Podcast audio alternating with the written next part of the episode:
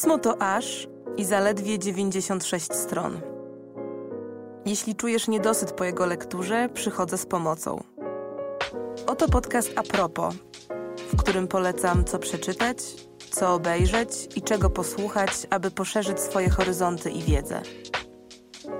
Zapraszam, Zuzanna Kowalczyk.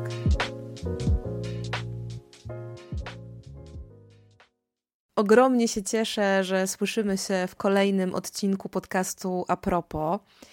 Odcinku, który będzie poświęcony tematowi, którego nie ukrywam, sama bardzo potrzebuję i którego wdrożenia bardzo Wam w tych ciepłych letnich miesiącach życzę, ponieważ będzie to odcinek a propos regeneracji, czyli a propos czegoś, co mam poczucie cholernie często zaniedbujemy czego rolę, rangę jakoś bardzo łatwo nam bagatelizować, mimo że konsekwencje tego bagatelizowania bywają przeokrutne i bardzo wykrzaczające życie.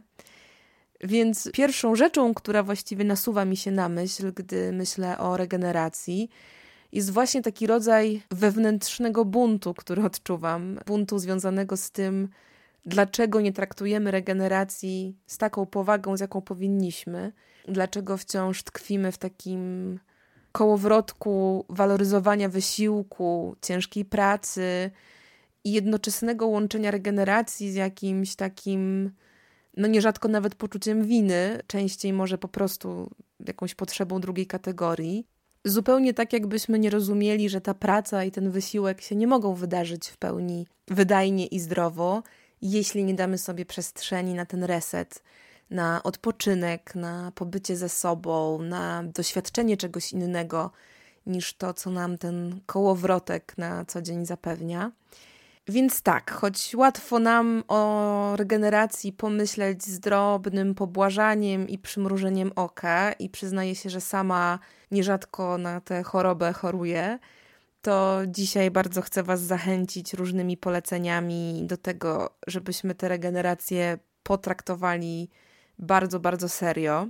Bo rzeczywiście zupełnie niewiarygodne jest to, jak łatwo idzie nam takie przeskoczenie w to myślenie o podległej funkcji regeneracji, kiedy chodzi o nas, a jednocześnie jakoś uznajemy przecież to, jak kluczową rolę regeneracja odgrywa po prostu w biologii. Wiecie, wiemy doskonale, że na przykład w wyniku utraty liścia czy, czy fragmentu łodygi rośliny od razu niemalże uruchamiają taki bardzo złożony fizjologiczny proces odtworzenia tych utraconych tkanek po to, żeby właśnie powrócić do tak zwanej homeostazy, czyli takiego stanu wewnętrznej równowagi.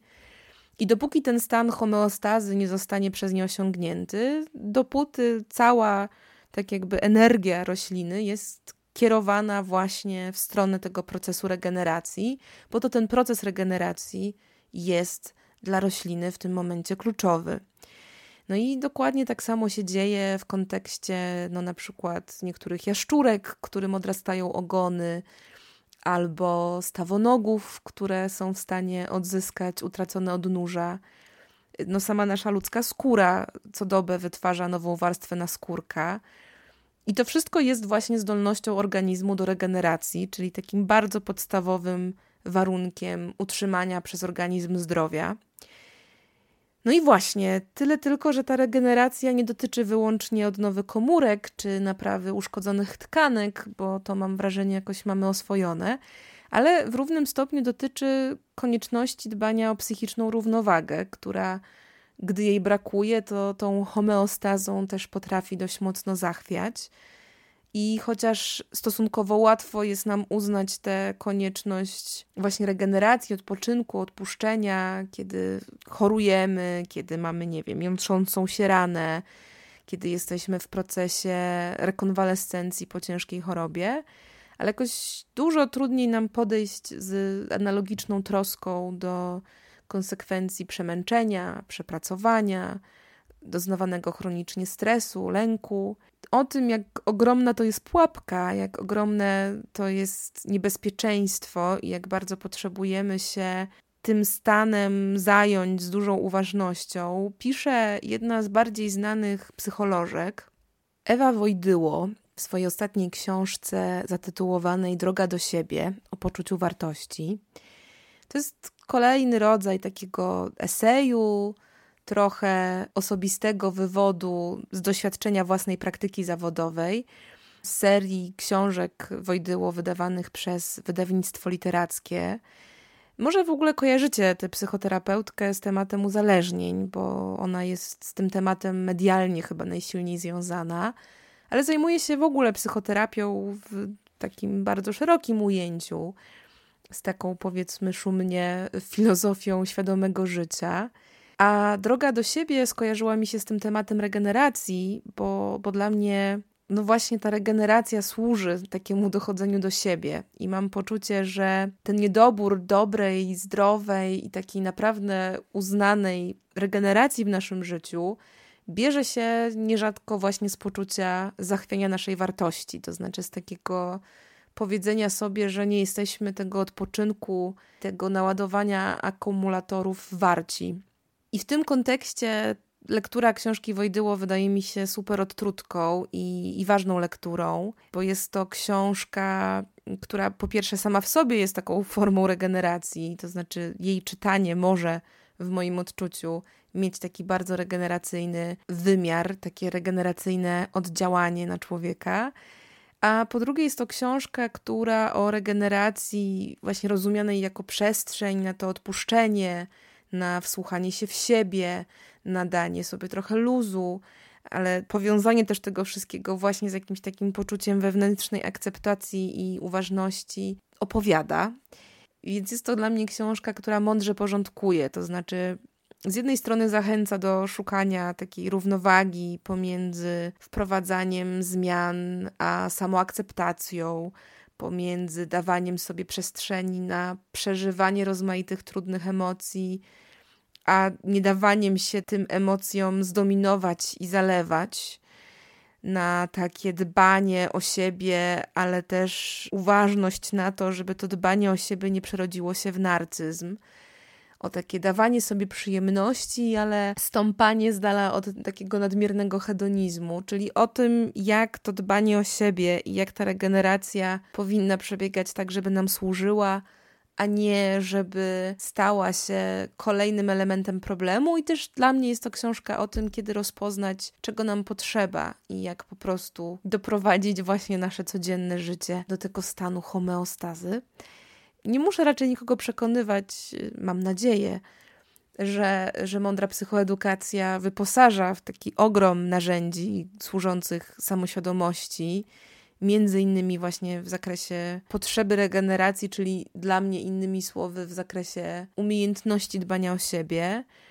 Więc też nie mam wątpliwości, że książka Wojdyło Wam się spodoba, ale też z drugiej strony, że mogę Wam polecić do kompletu kilka mądrych podcastów. Mój redakcyjny kolega Mateusz ma ze mnie bardzo duży ubaw, bo jest to chyba naprawdę dziesiąty odcinek a propos, w którym polecam podcast Marty Niedźwieckiej o zmierzchu. No ale co ja poradzę, że uważam to za psychoedukacyjne złoto i z czystym sumieniem mogę Wam polecać ten podcast w najrozmaitszych kontekstach i zawsze, kiedy nagrywam jakiś odcinek, to mi się przypomina jakiś odcinek Niedźwieckiej, po prostu w punkt wchodzący w samo sedno tego, co wydaje mi się warte przekazania. Więc no, przykro mi, że kolejny raz, ale niezmiennie o zmierzchu mocno Wam polecam. W tym kontekście regeneracji, to właśnie obok uzdrawiania siebie i swoich relacji przy pomocy mądrości tych podcastów, polecam Wam zwłaszcza niedawny odcinek o ciekawości. Polecam Wam też odcinek o zabawie. Jest też doskonały odcinek o przytomności w pomaganiu, który w kontekście regenerowania się wydaje mi się jakoś szczególnie istotny.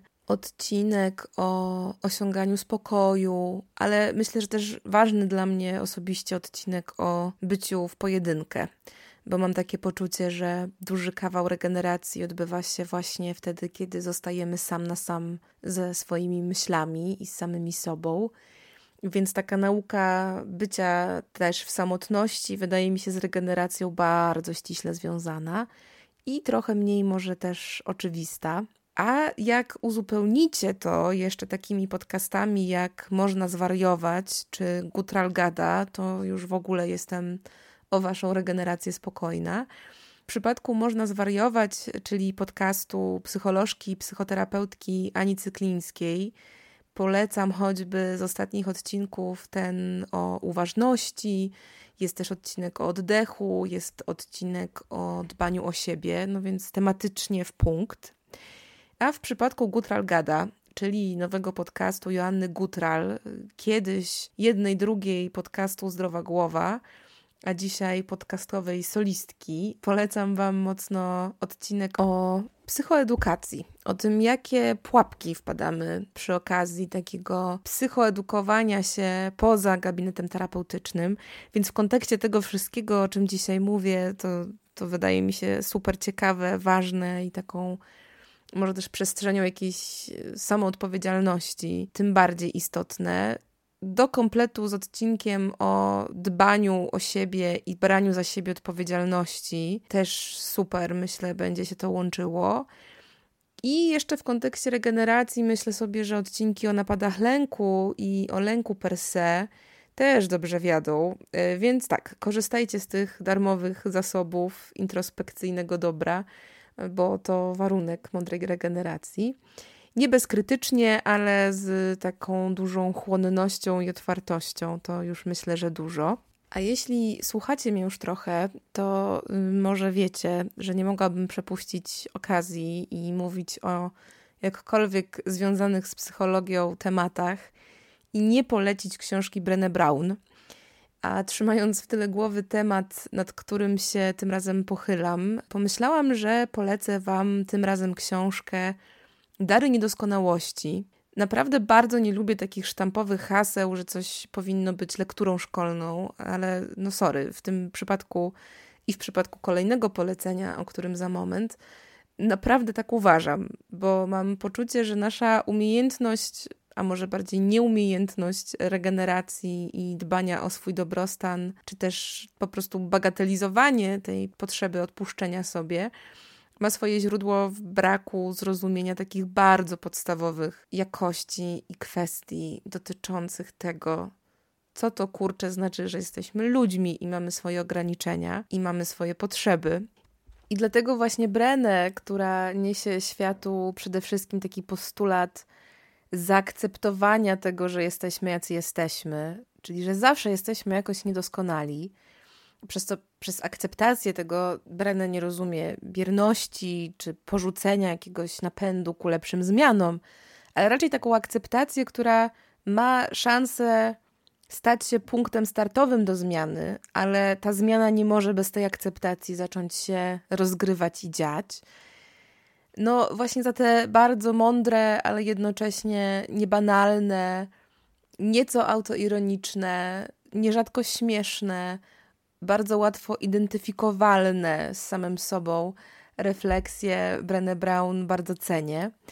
Jeden z rozdziałów w tej książce, o której tym razem opowiadam, nosi tytuł Dbajmy o zabawę i wypoczynek i zapomnijmy o wyczerpaniu jako wyznaczniku naszego statusu i wydajności, która ma określić naszą wartość – no i w kontekście poleceń a propos regeneracji, ten rozdział chcę podkreślić grubą kreską i, i zarekomendować wszystkim bez wyjątku do lektury. Brené pisze w nim o tym właśnie, jak ta odnowa biologiczna, taka odnowa w tym takim najbardziej prymarnym rozumieniu tego słowa jest nam po prostu absolutnie niezbędna do dobrego życia, a jednocześnie jak bardzo współczesna kultura nas od tej potrzeby oddala i uczy nas te potrzeby piętnować w sobie i się od niej odrywać. Więc myślę, że w kontekście takiego przełamywania tabu, przełamywania stereotypów, też w kontekście właśnie akceptowania niekoniecznie nawet słabości, ale po prostu swojego człowieczeństwa, ta lektura jest super potrzebna nam wszystkim w swoim wymiarze i swoim przesłaniu.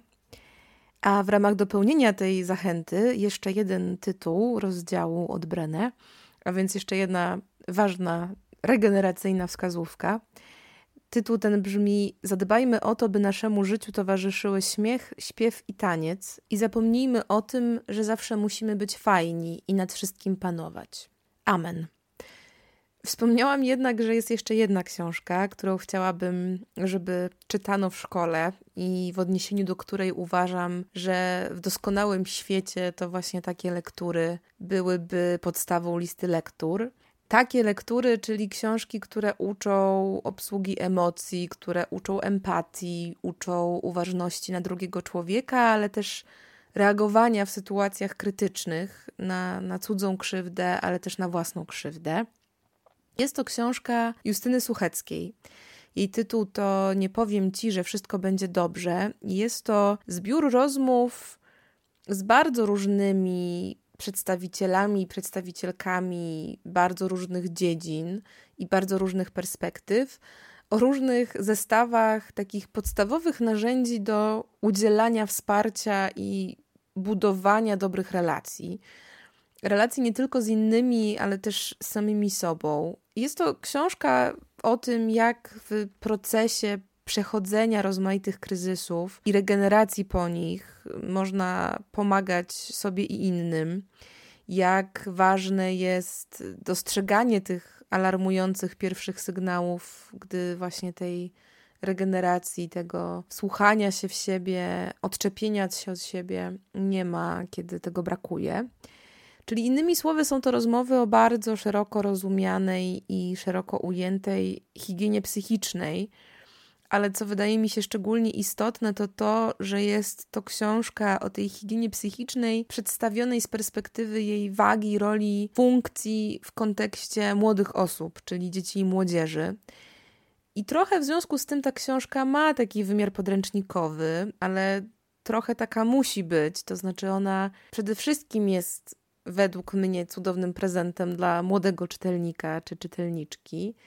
No a oprócz tego, to, że ona ma ten podręcznikowy charakter, jest też jakąś formą dowodu na to, jak bardzo tej wiedzy o zdrowiu psychicznym i, i mądrej regeneracji swoich zasobów nam nadal w Polsce brakuje. Jak bardzo to jest w deficycie i jak podstawowe braki musimy w tym zakresie uzupełniać.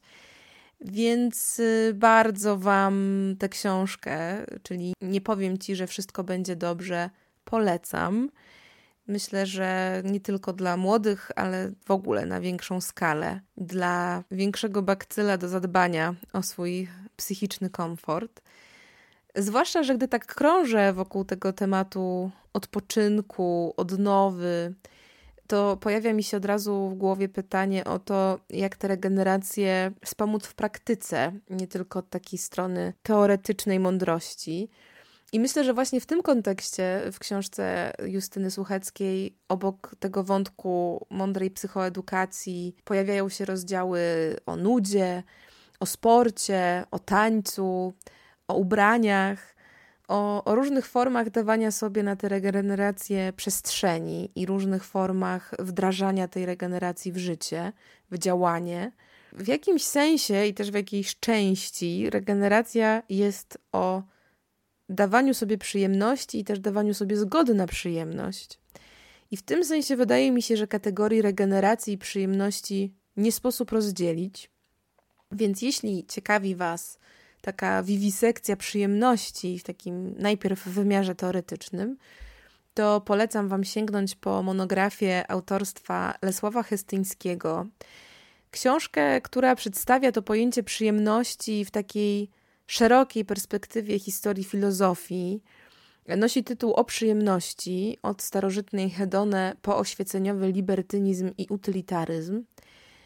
No bo właśnie, przyjemność to nie tylko hedonizm, choć z tym hedonizmem się dość ściśle wiąże, ale od zawsze przyjemność sprawiała etyce pewne wyzwanie od strony właśnie wyważenia takiej odpowiedzialności za siebie versus odpowiedzialności za grupę, za innych, wyważenia tego skupienia na sobie, a na drugim człowieku, ale też w kontekście sprawiania sobie przyjemności w obrębie jakichś standardów moralnych i, i wykonywania jakichś zobowiązań wobec wspólnoty.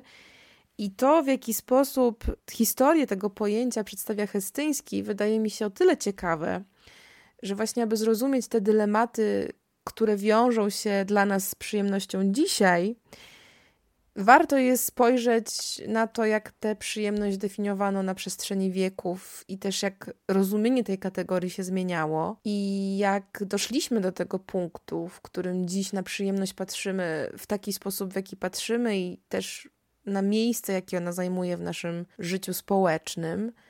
Więc jeśli Was interesuje przyjemność jako fenomen, jako taka kategoria filozoficzna, ale też właśnie jako kategoria kulturowa, to bardzo Was do lektury tej książki zachęcam.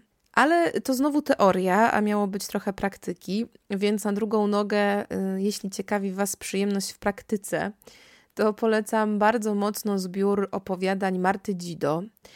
Książka ta nosi tytuł Sezon na truskawki i dla mnie to jest taka książka, która nieco odczarowuje w ogóle pojęcie literatury erotycznej. Y, są to opowiadania, w których za źródło regeneracji służy właśnie ciało. Ciało z jego seksualnością, z jego zmysłowością, ciało, które też ma taki potencjał do rozpalania wyobraźni, do poszerzania trochę skali tego, co rozumiemy właśnie pod pojęciem przyjemności. Ale jednocześnie dla mnie jest to książka, która w bardzo dobry sposób jednocześnie rozbraja i tabu, i kicz, które są związane z pisaniem o seksie. A to jest naprawdę ogromna sztuka. To, co pisze Dido, ma taki charakter bardzo poszerzający perspektywę, bardzo zmysłowy, bardzo namacalny, ale jednocześnie to jest pisanie bardzo emancypacyjne, bardzo feministyczne. Dla mnie to jest o radości z ciała, o radości z przyjemności, o otwieraniu się na swoje ciało, które nam tę przyjemność może dać. I ta przyjemność też nie musi być wyłącznie seksualna. To jest właśnie o tym ciele związanym ze zmysłami, z docenianiem chwili, z cieszeniem się bliskością z sobą czy z drugim człowiekiem, ale właśnie po to, żeby dać sobie ten oddech, tą przestrzeń doświadczania, przestrzeń ciekawości, przestrzeń eksperymentu, przestrzeń wyłączenia umysłu na rzecz wejścia głębiej w ciało, w psychikę, w bycie tu i teraz. No dla mnie sezon na truskawki to taka bardzo regeneracyjna lektura i też w tym celu Wam ją mocno polecam, żeby sobie nieco pisanie o seksualności i zmysłowości być może odczarować i nieco inaczej o nim pomyśleć i też o sobie za jego pośrednictwem inaczej pomyśleć. Ale tak najbardziej, najbardziej to z tą kategorią odpoczynku i regeneracji kojarzy mi się coś, co potocznie nazywa się feel good kulturą, czy też takim comfort culture foodem, czyli te wszystkie dzieła literackie, filmowe, muzyczne czy sceniczne, które po prostu dla nas mają taką zdolność wprowadzania nas w stan dobrego samopoczucia, mimo że to jest, nie wiem, setna lektura, odsłuch czy seans. I dla mnie każdy z nas ma, czy też powinien mieć taki swój osobisty, regeneracyjny zestaw pomocowy. Wśród takich moich feel good klasyków znajduje się chociażby serial Fleabag, który zawsze poprawia mi nastrój. Ubóstwiam też na przykład film Tamte dni, tamte noce Luciego Gaudino. Przy takich chwilach odpoczynku i beztroski bardzo często towarzyszą mi też płyty Nini Simon czy Ellie Fitzgerald. A na przykład bawią mnie zawsze i niezmiennie felietony Umberto Eco, które mogę czytać po prostu po raz setny i zawsze coś nowego i śmiesznego dla siebie, odpuszczającego napięcie znajdę. Podobne działanie mają dla mnie też wiersze Konstantego Ildefonsa Gałczyńskiego. Mam poczucie, że każdy musi stworzyć taki swój regeneracyjny zestaw, ale poza innymi czynnościami i innymi działaniami, na przykład dla mnie takimi jak, nie wiem, przytulanie psa, otaczanie się bliskimi ludźmi, jak dobre jedzenie, pisanie, spacerowanie, pływanie, robienie jogi czy medytowanie. Obok tego wszystkiego dużym ukojeniem jest dla mnie właśnie kultura. I to nie jest jakaś moja osobista rzecz, tylko bardzo uniwersalne działanie kultury, która rozgrywa się w jakiejś relacji do nas i w tym sensie ma tę wartość sklejania się z nami w taki odpoczynkowy zestaw i wspomagacz. W tym też sensie odcinek o poleceniach kulturalnych w temacie regeneracji y, no, czułam, że będzie problematyczny, bo dla każdego to znaczy trochę co innego, więc bardziej chciałam dać taką Wam zachętę do tworzenia się na różne doświadczenia i tworzenie tych własnych regeneracyjnych półek. No bo oczywiście nie sposób podać tu wszystkich tytułów, które regeneracji mogą posłużyć, każdy ma swoje. Grunt to mieć właśnie takie działania, aktywności, przyjemności i teksty kultury, które właśnie sprawiają, że w tych trudnych chwilach odrastają nam łodygi, odnóża i ogony. I, I że dzięki właśnie kulturze i takiemu mądremu dbaniu o siebie jesteśmy zdolni powracać do tej homeostazy. A jeśli ku tej regeneracji kulturalnej cały czas Wam brakuje jednak inspiracji, to polecam niezmiennie zapisać się na mój newsletter Zachwyty Pisma w którym co miesiąc piszę o wystawach, spektaklach, książkach, płytach, no szeroko rozumianej kulturze, która mnie zachwyciła i myślę, że w kontekście poszukiwania dobrych, regeneracyjnych doświadczeń kulturalnych, to mam nadzieję, że zachwyty pisma Wam tych inspiracji dostarczą. Albo oczywiście, jeśli Was ciekawią konkretne tematy, to polecam śledzić a propos za którego dosłuchanie do końca, jak zawsze, bardzo Wam dziękuję. Do usłyszenia.